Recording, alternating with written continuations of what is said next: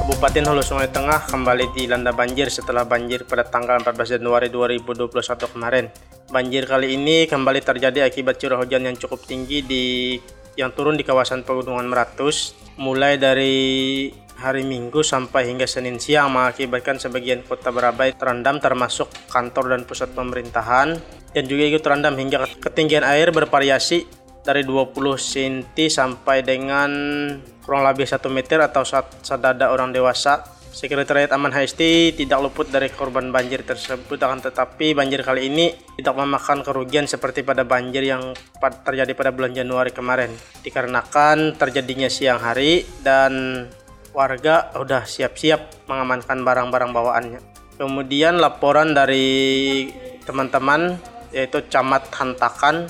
Sehari Ramadan mengonfirmasi ada beberapa titik tanah longsor yang terjadi akibat hujan deras ini dan juga ada salah satu jembatan yang putus menuju komunitas yaitu komunitas Pantai Uang, Patikalain, Papagaran. Tetapi saat ini sudah uh, dilakukan gotong royong antara elemen masyarakat dan juga kerjasama antar desa itu di Samurung B dengan desa Patikalain dan juga dari pemerintahan, dari dinas sosial sudah mendirikan posko induk untuk menyiapkan makanan bagi warga yang bergotong royong membuat jembatan darurat sebelum dibuatnya jembatan permanen.